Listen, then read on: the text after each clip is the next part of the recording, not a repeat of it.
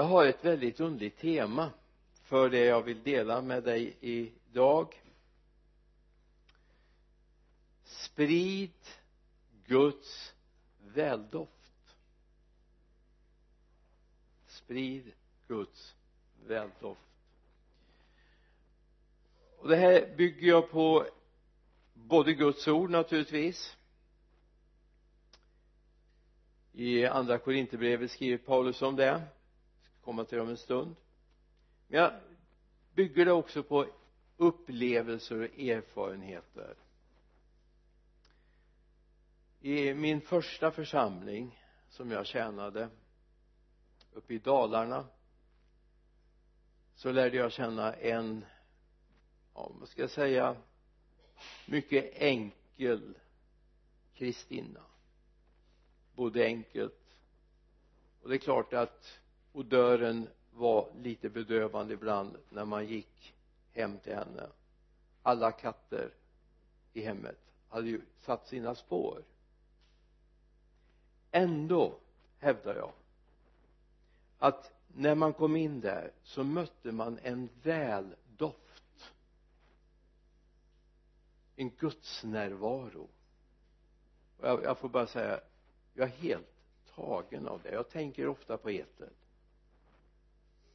man drev med eten men när ungdomarna i den här byn norr om Mora hade problem oavsett om de var frälsta eller ej och om de behövde råd fast hon aldrig knappt har varit utanför socknen så gick man till Eter och hon bad och hon gav råd. Råd som hon kanske inte förstod själv. Men det var hämtat direkt ifrån tronen.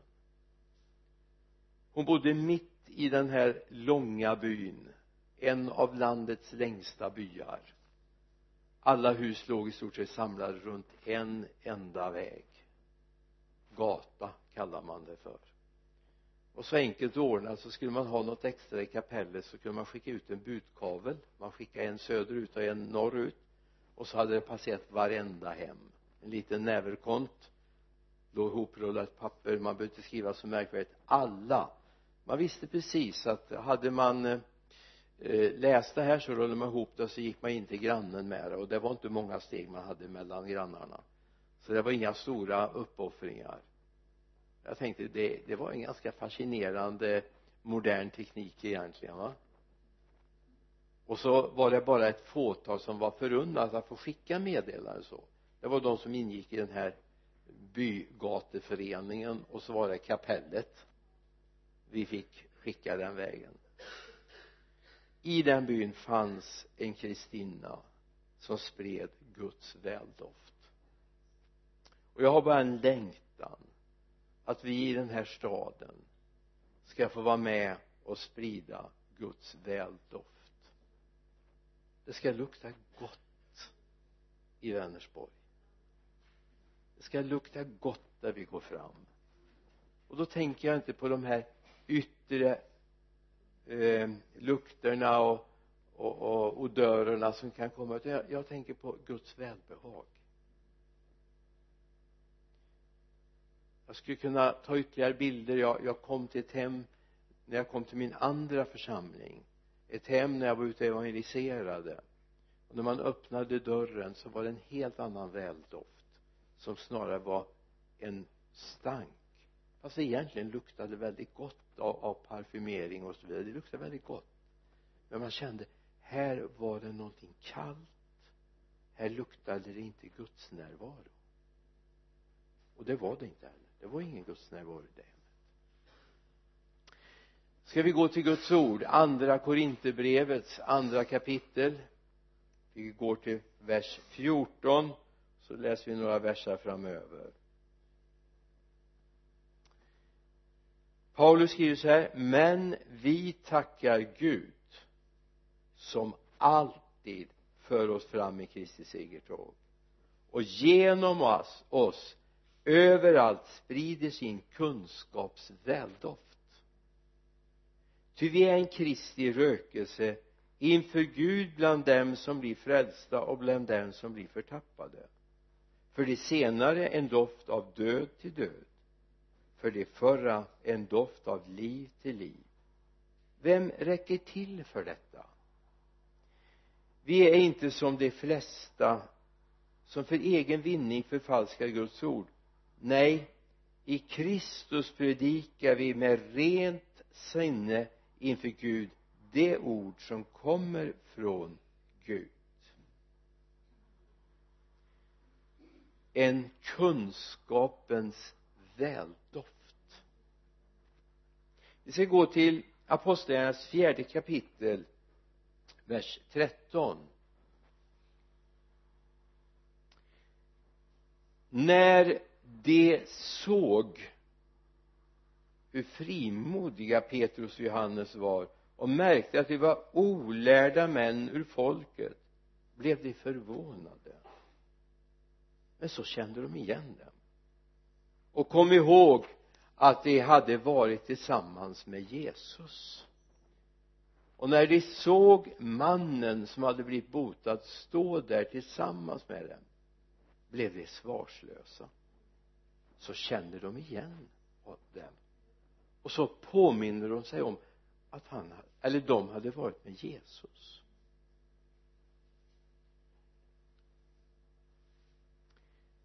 Jag är uppvuxen mitt i en affärsrörelse. Vi låg inte så jättecentralt så att egentligen kanske skyltfönstret inte hade så stor betydelse. Det var ingen allfartsväg förbi det var bara de som gick till och från bruket som gick förbi. Men ändå var pappa väldigt noga med skyltfönstret. Det skulle se fräscht ut. Och eftersom det handlade om blommor så gick det ju inte liksom att, att skylta upp en gång i månaden utan det var tvungen att hållas fräscht jämt. De här bänkarna var oerhört viktigt för pappa att hålla rent för vad var det han ville? Jo han ville att det som fanns där i fönstret skulle vara en spegelbild av det som fanns att köpa inne i affären. Så är det med varje skyltfönster. Därför har en del dagligvaruaffärer inga skyltfönster. Man ställer inte ut mjölpåsar och vad det nu kan vara. Utan eh, oftast är det bara tecknet stora planscher på väggarna på utsidan där det står lite priser man lockar med. Har du tänkt på att din vän som ännu inte känner Jesus din arbetskamrat, din granne som inte känner honom du är den spegelbild eller den bild av Jesus som de ser du är den närmaste de känner. Och, och får jag använda bilden och säga den väldoft som strålar fram från dig eller inte strålar fram det är den bild människor har av Jesus. Du är ju kristen. Du tror på Jesus. Och hör på att säga då har människor rätt att se på dig att förvänta sig från dig. Lyssna. Jag tänker inte predika ett prestationskrav för dig idag. Utan jag kommer peka på vad är det vi har att göra för att Jesus ska bli synlig i våra liv. För länge sedan om vi går tillbaka på 60 70-talet kanske i vissa sammanhang lite längre. Så ibland kunde man i en affär som sålde elektronik eller sålde kläder så kunde man i skyltfönstret ställa ut någonting som man kanske bara hade ett eller två exemplar av. Och som man kunde prisdumpa hur mycket som helst och som bara fanns i någon storlek eller någon färg. Vilket skapade många besvikna människor. Man, oh den kostymen, den dräkten, den klänningen den radioapparaten eller vad det nu var den skulle jag vilja ha. Och så kommer det in och så finns det inte i din storlek. Men så säger då expediten jo men, men vi har andra här på det här stället. Och så skapar det en besvikelse. Alltså ditt och mitt skyltfönster ska inte vara falsk marknadsföring. Du ska vara den du är. Du ska inte ta på dig stomatol-leendet när du kommer ut bland människor utan du ska vara den Gud har gjort dig till inget annat. Inga konstlade leenden. För människor ska kunna känna igen dig även när du är på industrin. Under min tid när jag utbildade mig till elektriker så hade jag en praktikplats hemma på pappersbruket där jag också arbetade sedermera. Där mötte jag medlemmar från den församling mina föräldrar tillhörde och från andra församlingar och en del var äkta. För mötte jag dem i kyrkan var de likadana som när jag mötte dem i, på jobbet. Medan andra kunde jag inte för mitt liv förstå att de tillhörde en kyrka. Egoister självupptagna bara de fick vassa armbågar för att inte tala om så mycket slipprigt tal och för förlöjligande av andra arbetskamrater. Och jag bara fick inte bilderna att gå ihop. Alltså den bild det skyltfönster vi ska vara ska du vara på söndagen självklart. Men du ska vara det på måndagen också. Och tisdagen. Det får inte byta i skylten beroende på var du är. Vi är inga kameleonter vi ska vara sanna rakt igenom. Sen finns det den andra delen av, av kristenheten som, som lite urskuldande säger men se inte på mig du ska se på Jesus. Och det låter ju väldigt fromt eller hur? Men det är som att säga du vet jag har hållit på nu försökt vara kristen här i 20 år men du vet det har inte lyckats försök du. Trovärdigheten sjunker. Alltså vi ska våga säga för Paulus säger se på mig. Bli min efterföljare så som jag är Herrens. Alltså vi ska våga säga se på mitt liv. Okej okay, vi är inte fullkomliga men vi har åtminstone en längtan efter att fullkomna vi har en längtan efter att leva nära Jesus. Och människor tål att vi faktiskt misslyckas. Det är ingen fara om vi bara är ärliga. Och du kommer att lyckas. Det kommer han se till. Men har du hela tiden det urskuldandet att ja men du ska inte titta på mig du ska titta på Jesus. Det låter ju väldigt fromt. Men hur ska människor som inte har mött Jesus kunna se på Jesus. Din och min uppgift är att få människor att vända blicken mot Jesus. Men det får de göra genom att se oss lära känna honom och så småningom få en egen relation till honom. Och sen kan de säga till sina vänner se på mig som jag vandrar tillsammans med Jesus. Och så småningom kommer de människorna säga du kan vandra som jag gör för jag följer Jesus. Det här är evangelisation. Det här är församlingstillväxt. Det här är mognad i det kristna livet. Så att inte våra skyltfönster blir oärliga. Sen är det så här att om jag har förstått det här rätt nu ni får rätta mig om jag har fel men jag har förstått att skyltfönster har man i väggen ut mot gatan. Alltså man har inte skyltfönster inne. I, ja jo jag har sett någon affär som har haft någon sån här på väggen där man har liksom talat om vad man säljer för någonting.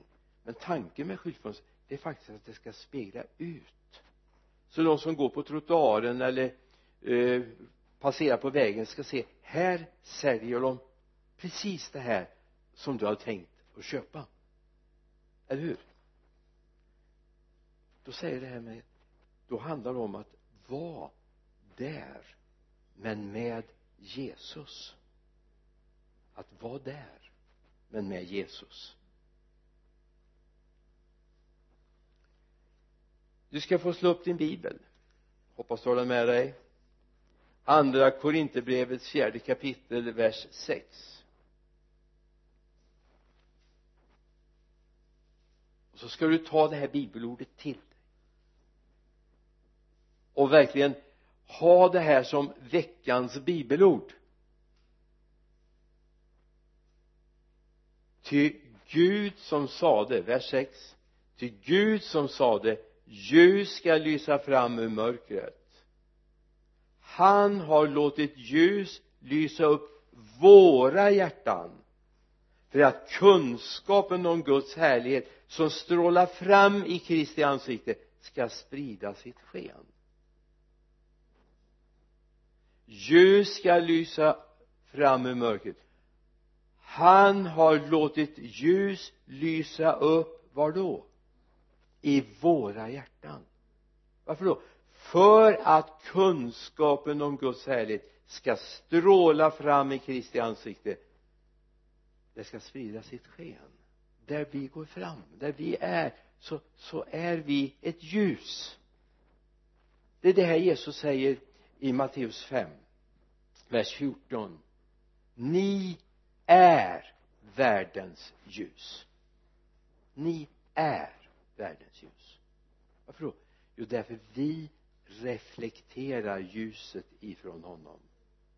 Vi sprider hans ljus därför att han har tänt det här i våra hjärtan. Så det kan bli förändring. Det kan bli förändring. Ibland finns det nog en och annan affärsinnehavare eller som sköter skylten som önskade att skyltfönstret också doftade men eh, det är inte så svårt. Jag kan ta en bild så, så är du med mig direkt. Tänk dig att komma in i ett bageri. Och du ska handla bröd. Och du möter alla dessa ljuvliga dofter. Jag vet inte om du tycker det men jag tycker det. Det är ljuvligt att komma in i ett bageri och se limporna och brödkakorna och kanske småbröd och det här ligga där. Och så känner jag nybakat. Jag sa till Birgitta när jag kom hem häromdagen här luktar det som ett bageri sa jag. Luktar nybakt. Det här är ljuvligt. Och ibland är det så att du och jag också sprider en kunskapens väldoft omkring oss. Det är inte bara en bild av någonting utan någonting som gör att till och med det här blir attraktivt så att människor vill ha det. För det luktar renhet. Det luktar överlåtelse. Alltså vet du att Guds gemenskap luktar? Eller doftar kanske är bättre att säga va? Lukt kan ha negativ klang. Men det finns alltså en doft av härlighet. Jag nämnde om det från början här. Det finns en väldoft när människor möter Gud det gör det. Och den här känner människor den här upplever människor. Här är äkta. Det är inte bara en påklistrad eh, yttre fasad utan det här är äkta. Och så står det då i andra korinthierbrevet 2.14 som vi läste förut. Men vi tackar Gud som alltid för oss fram i Kristi segertåg och genom oss överallt sprider sin kunskapsväldoft. Ty vi är en Kristi rökelse. Nu ska du se någonting här. Jag är inte säker på att du har sett det förut. Vi är en Kristi rökelse inför Gud bland dem som blir frälsta och bland dem som blir förtappade.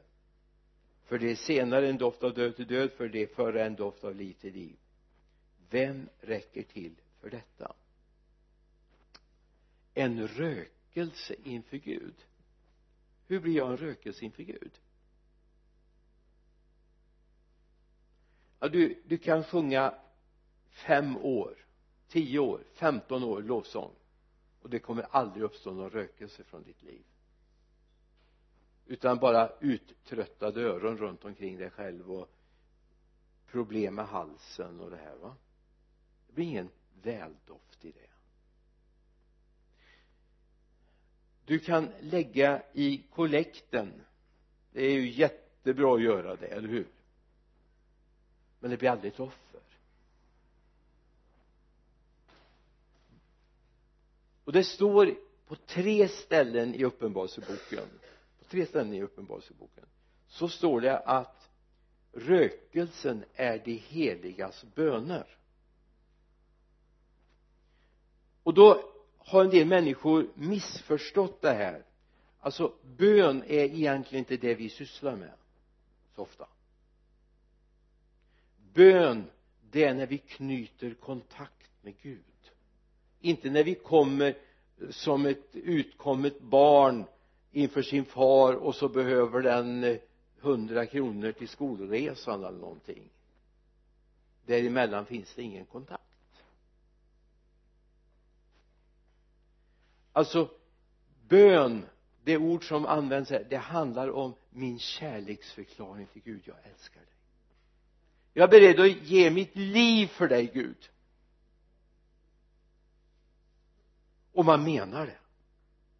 Därför man har börjat älska Gud. Då uppstår en rökelse inför Guds ansikte. En välbehag inför Gud och det samlas i ett gyllene kar.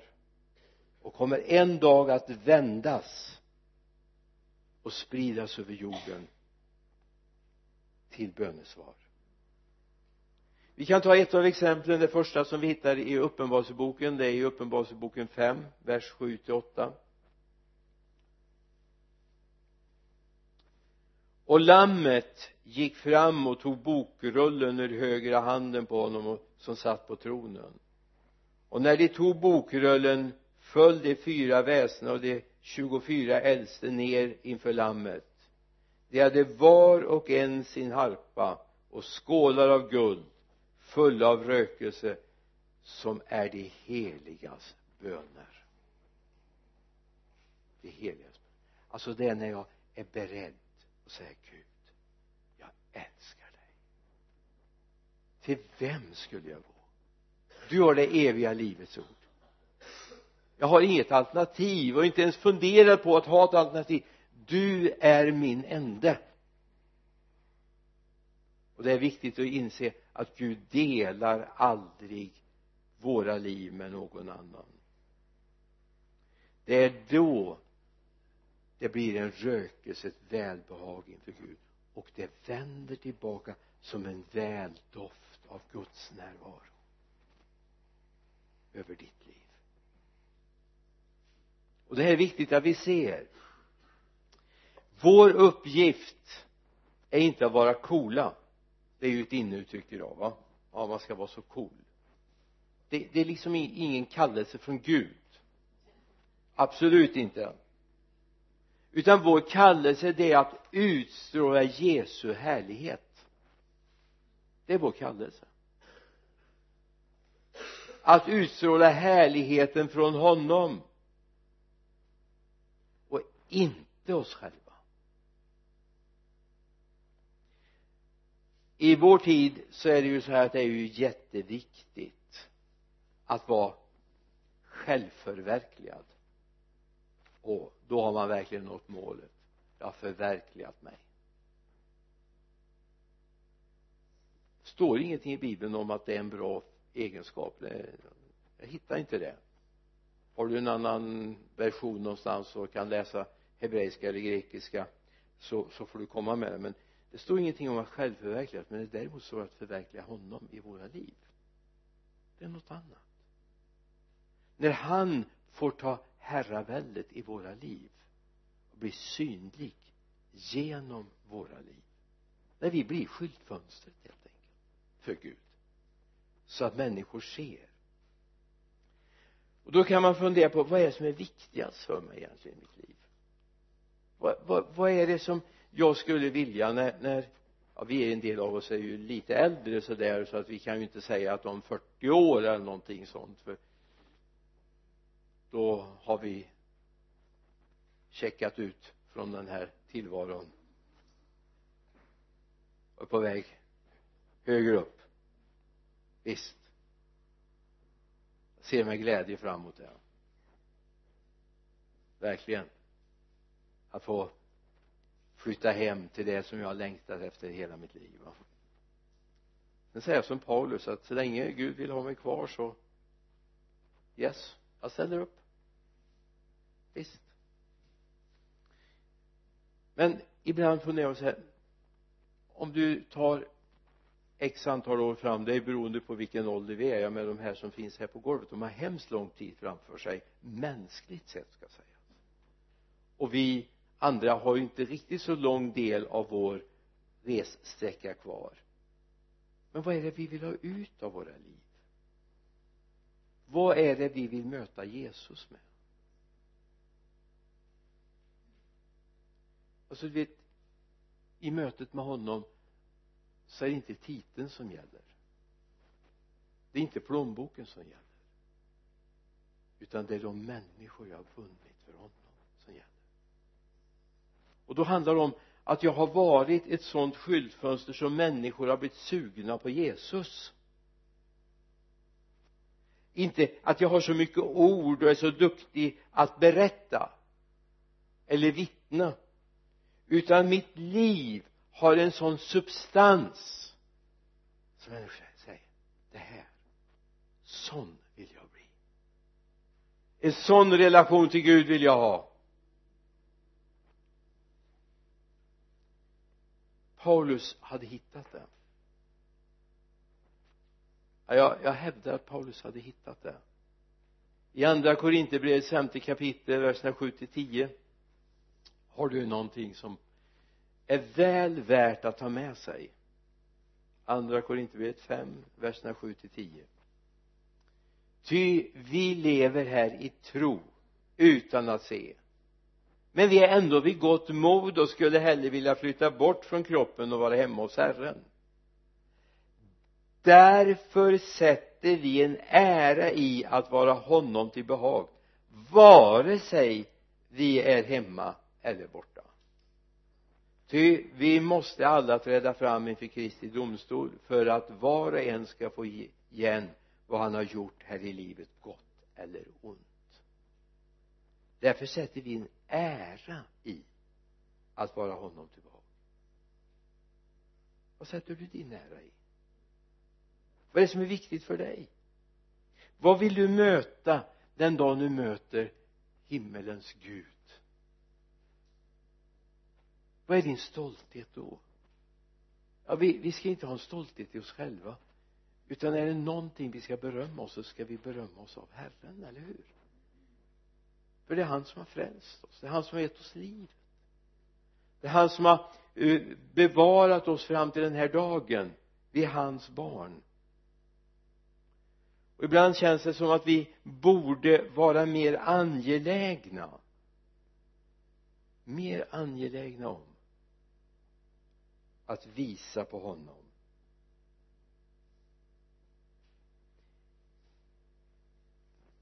Den här tanken kanske är lite svindlande för dig. Men låt mig få berätta en, en liten liknelse då först. Man sa förr i alla fall och kanske stämmer än det är ju länge sedan vi hade barn hemma i hemmet. Men då sa man så här att när grabben har upptäckt att det finns en spegel och det finns en kam. Och man börjar kamma sig då kan man förstå att de har upptäckt att det finns ett kön till.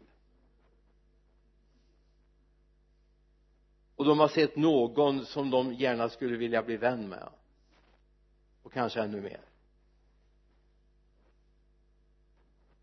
De har någon de vill göra sig vacker för. När det gäller tjejer så är det faktiskt inte motsatt. Utan tjejer när de börjar göra sig i ordning så har de upptäckt det finns en konkurrent.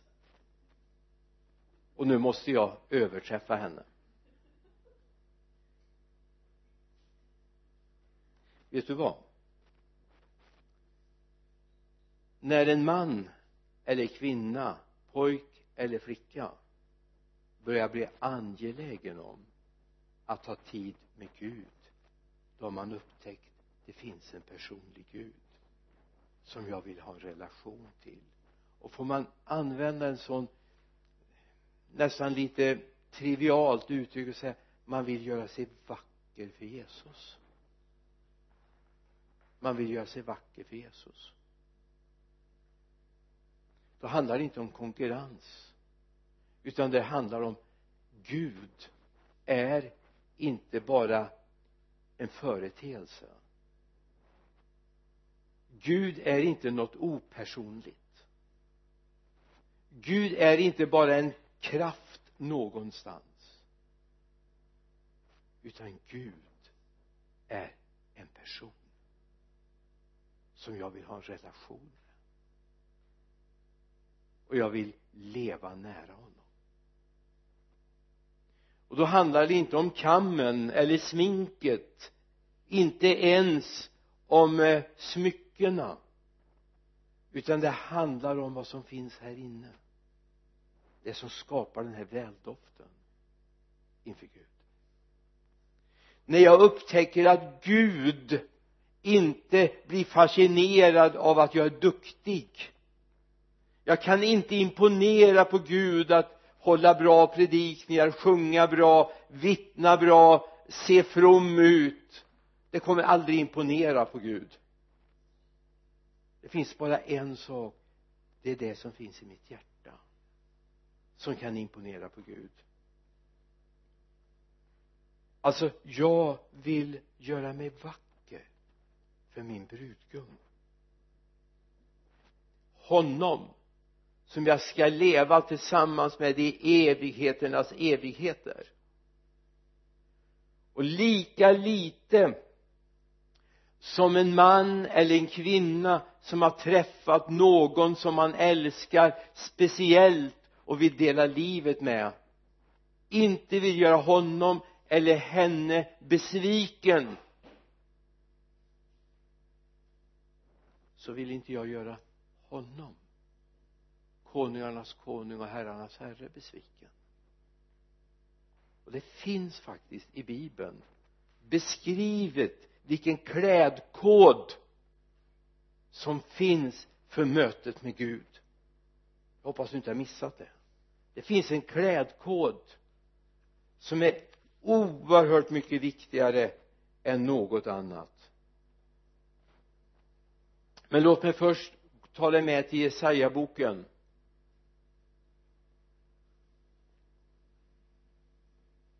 Det 61 kapitlet vers 10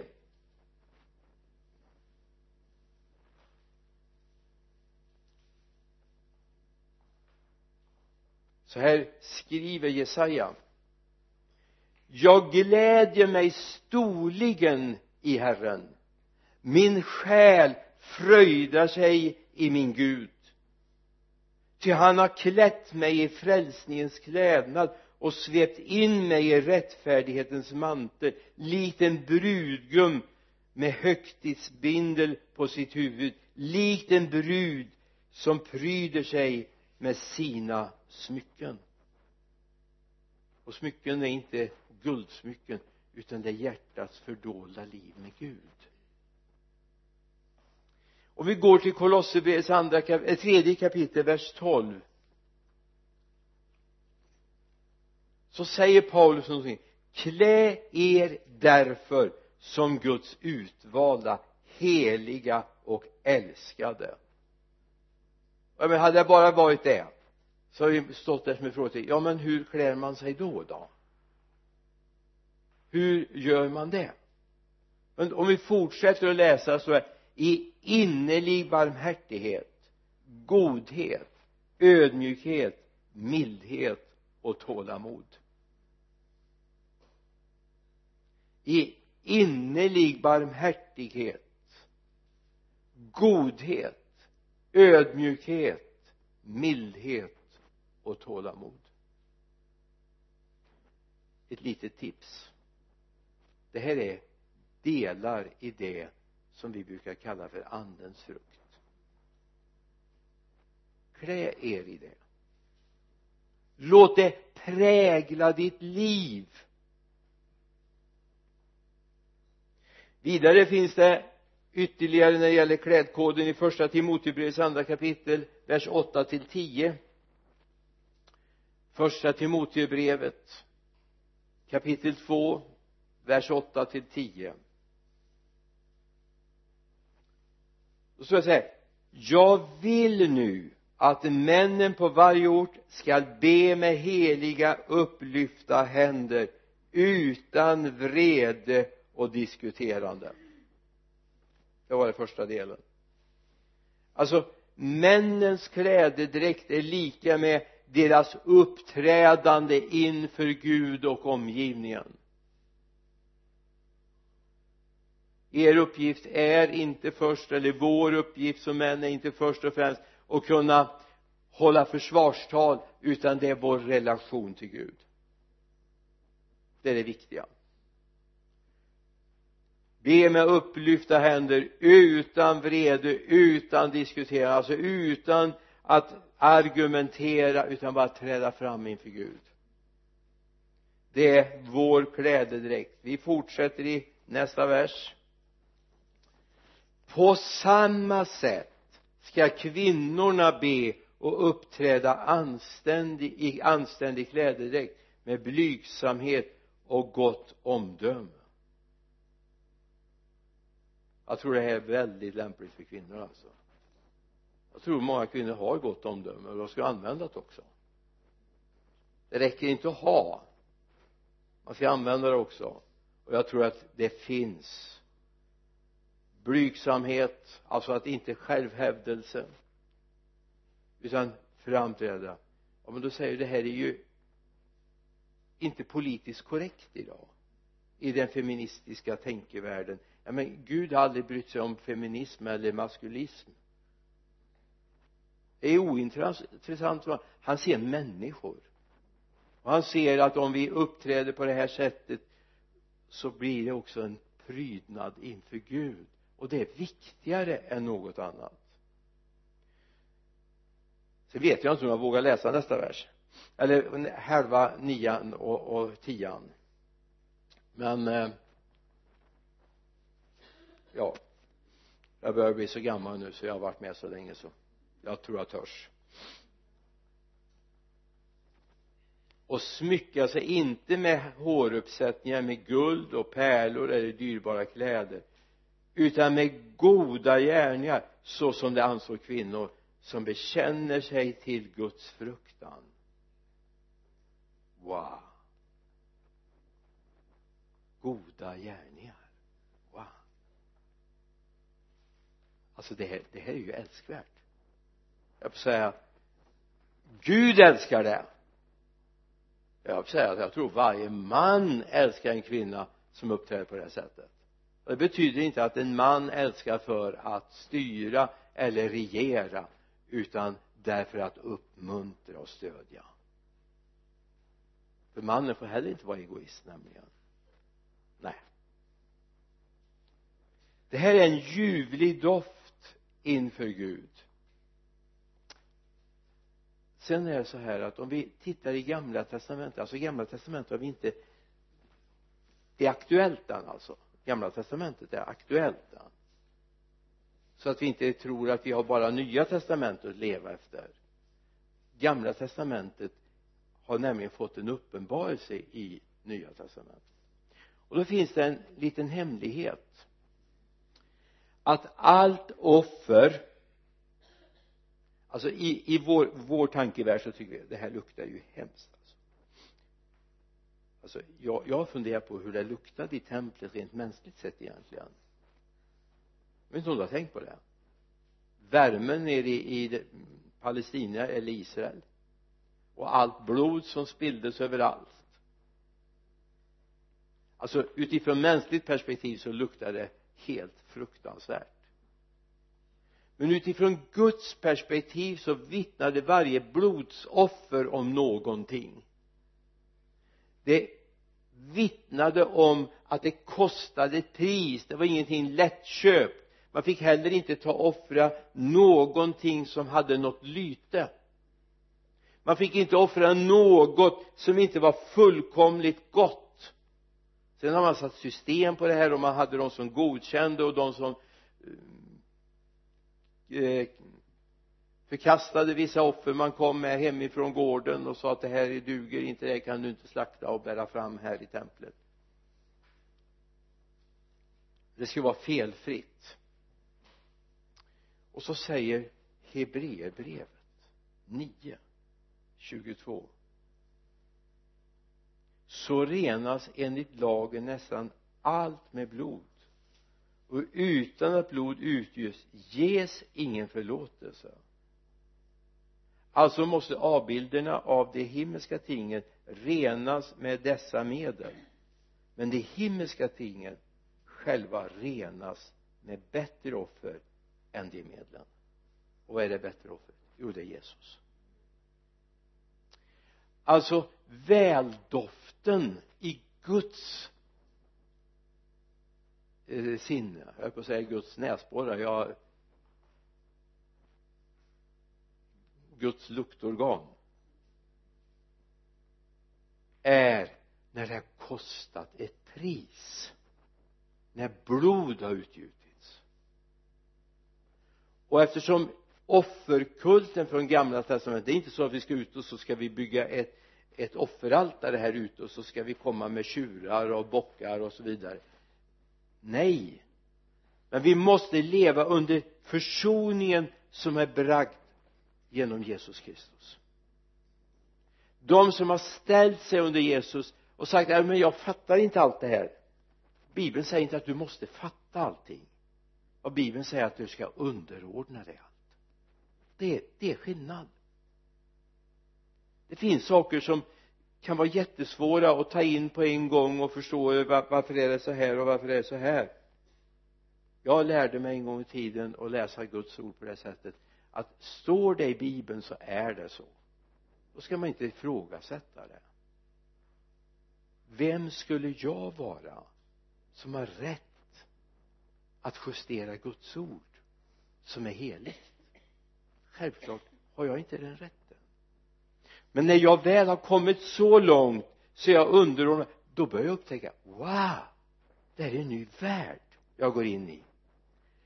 Jag har fått uppleva en rening och jag känner en frimodighet inför Gud när jag träder fram inför honom i min bönekammare. Jag behöver inte blygas och tänka men snälla Gud titta inte så strängt på mig. Utan jag kan vara frimodig inför Gud. Träda fram inför honom inte för att jag är fullkomlig utan därför att han har tagit emot mig på grund av blodets offer. I Filipperbrevets fjärde kapitel vers 18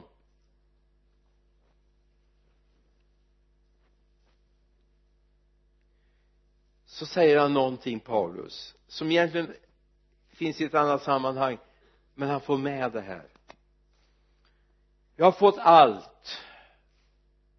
Och del det i överflöd säger han. Jag har mer än nog sedan jag av Epafros har tagit emot gåvan en ljuvlig doft. Ett rätt offer som Gud tar emot med glädje. Alltså här är någon som har offrat någonting på grund av Kristus. Till Paulus, till arbetet, till församlingarna en doft som är välbehaglig inför Gud. Får man vara lite personlig? Jag tänkte berätta om mig jag tänkte berätta om er. Nej det ska jag inte göra. Men jag tänkte att du kan ju tänka lite så här va? Kan det vara så här att när vi bär fram vår gåva, vårt offer i kollekten eller när vi har offergång eller vi sätter in på, på, på plusgiro eller bankgiro. Kan det vara så att en del skapar en väldoft hos Gud? Och en del händer det inget med. Jag vill bara påminna om två bröder. Jag ska inte göra någon djup analys av Kain och Abel. Det ena hade Gud behag till medan det andra. Och jag, jag har hört de mest märkliga förklaringar till det här. Den ena var att det var djur som var offrat det andra var att det var från markens gröda att det skulle ha en betydelse och det har det. Men jag tror det viktigaste är hjärtats inställning till Gud. Det är där det handlar om. Hur är det är offret vi ger ett offer eller bara lite grann skrap på ytan av överflödet.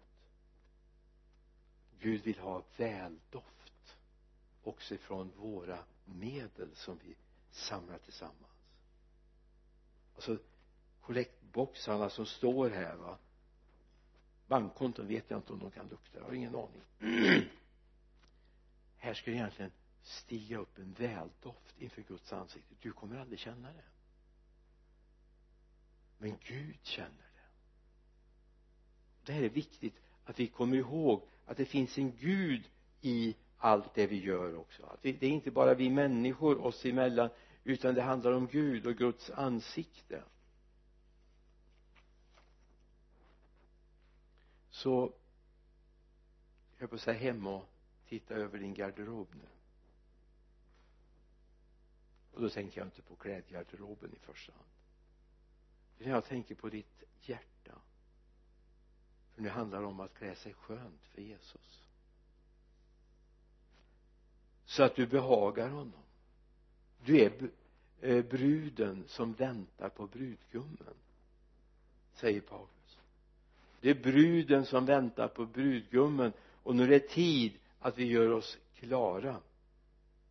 I andra Korinthierbrevets elfte kapitel skriver Paulus om det här vers 2 eftersom jag brinner av iver för er med den eld som kommer från Gud jag har trolovat er med en enda man för att föra fram en ren jungfru inför Kristus. Men jag är rädd för att liksom ormen med sin list bedrog Eva så skall också era sinnen fördärvas och vändas bort från den uppriktiga och rena troheten mot Kristus tänk om vi kunde säga ärligt med handen på hjärtat Gud det här ska aldrig hända i mitt liv. Det ska aldrig hända. Jag önskar att det vore så. Att vi aldrig under några omständigheter jag med om jag blir kallad idag för att Jesus kommer imorgon då vore det betydligt enklare och behålla troheten. Men eftersom evangeliet om riket inte har nått alla människor än och, och, och bibeln säger att det ska nå alla människor först. Ja, det är till och med Jesus som säger det. Att det ska nå alla människor innan slutet kommer. Så får vi ha tålamod. Och så får vi prövas i vår uppriktiga kärlek till honom vi får prövas i vår uppriktiga kärlek till honom.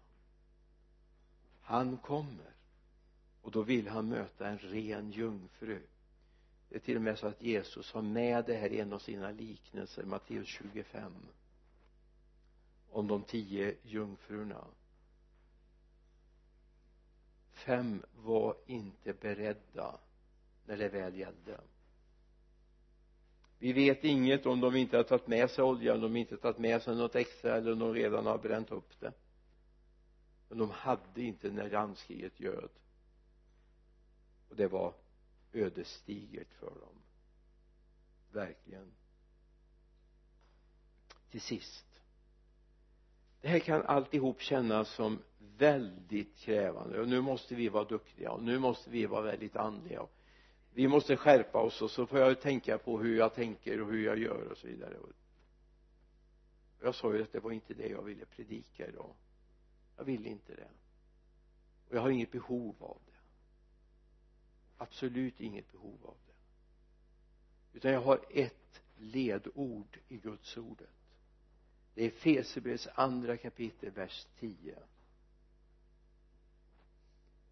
står det ty hans verk är vi skapade i Kristus Jesus till goda gärningar. Alltså syftet med dig och mig den dagen du blir frälst det var att du skulle göra goda gärningar. Och så tänker någon ja det var väl det jag tänkte. Nu är det krav igen. Men om du fortsätter att läsa så står det så här i den här versen. Till goda gärningar. Vilka? Alltså de här goda gärningarna vilka Gud har förberett för att vi ska vandra i dem. Gud har gjort dem i ordning. Det är bara att gå. Bron är spänd. Gå. Tunneln är grävd. Gå. Helandet är förberett. Gör det bara. Förlåtelsen är klar. Gå in i den bara. Och det sista bibelordet är Johannes 4.34 det här borde vi lära oss. Vad är det som skapar tillfredsställelse i våra liv? Vad är det som skapar den frid som vi behöver? Jo det står där när Jesus sitter där med kvinnan vid Sykarsbrunnen. Och så kommer lärjungarna när hon har gått in i staden och så börjar man fundera har du fått någon mat? Vers 34 då säger Jesus min mat är att göra dens vilja som har sänt mig och att fullborda hans verk. Jag tror vi kan få säga det också. Min tillfredsställelse det är att göra dens vilja som har sänt mig och att fullborda hans verk i och genom mig. Amen. Jesus jag ber av hela mitt hjärta. Låt det här få planteras in i våra liv som en naturlig del av vårt liv. Jag ber om det Jesus. Herre hjälp oss att ha en sån klädedräkt som behagar dig. Herre du vet i tider när vi känner osäkerhet och inte vet egentligen vilka vi är så kommer du Herre och du vill säga ditt jag älskar dig. Jag vill ha dig sådan du är. Ta nu på dig det här. Klä dig i det här. Fylls av det här jag ber om det i Jesu namn. Amen. Amen. Amen.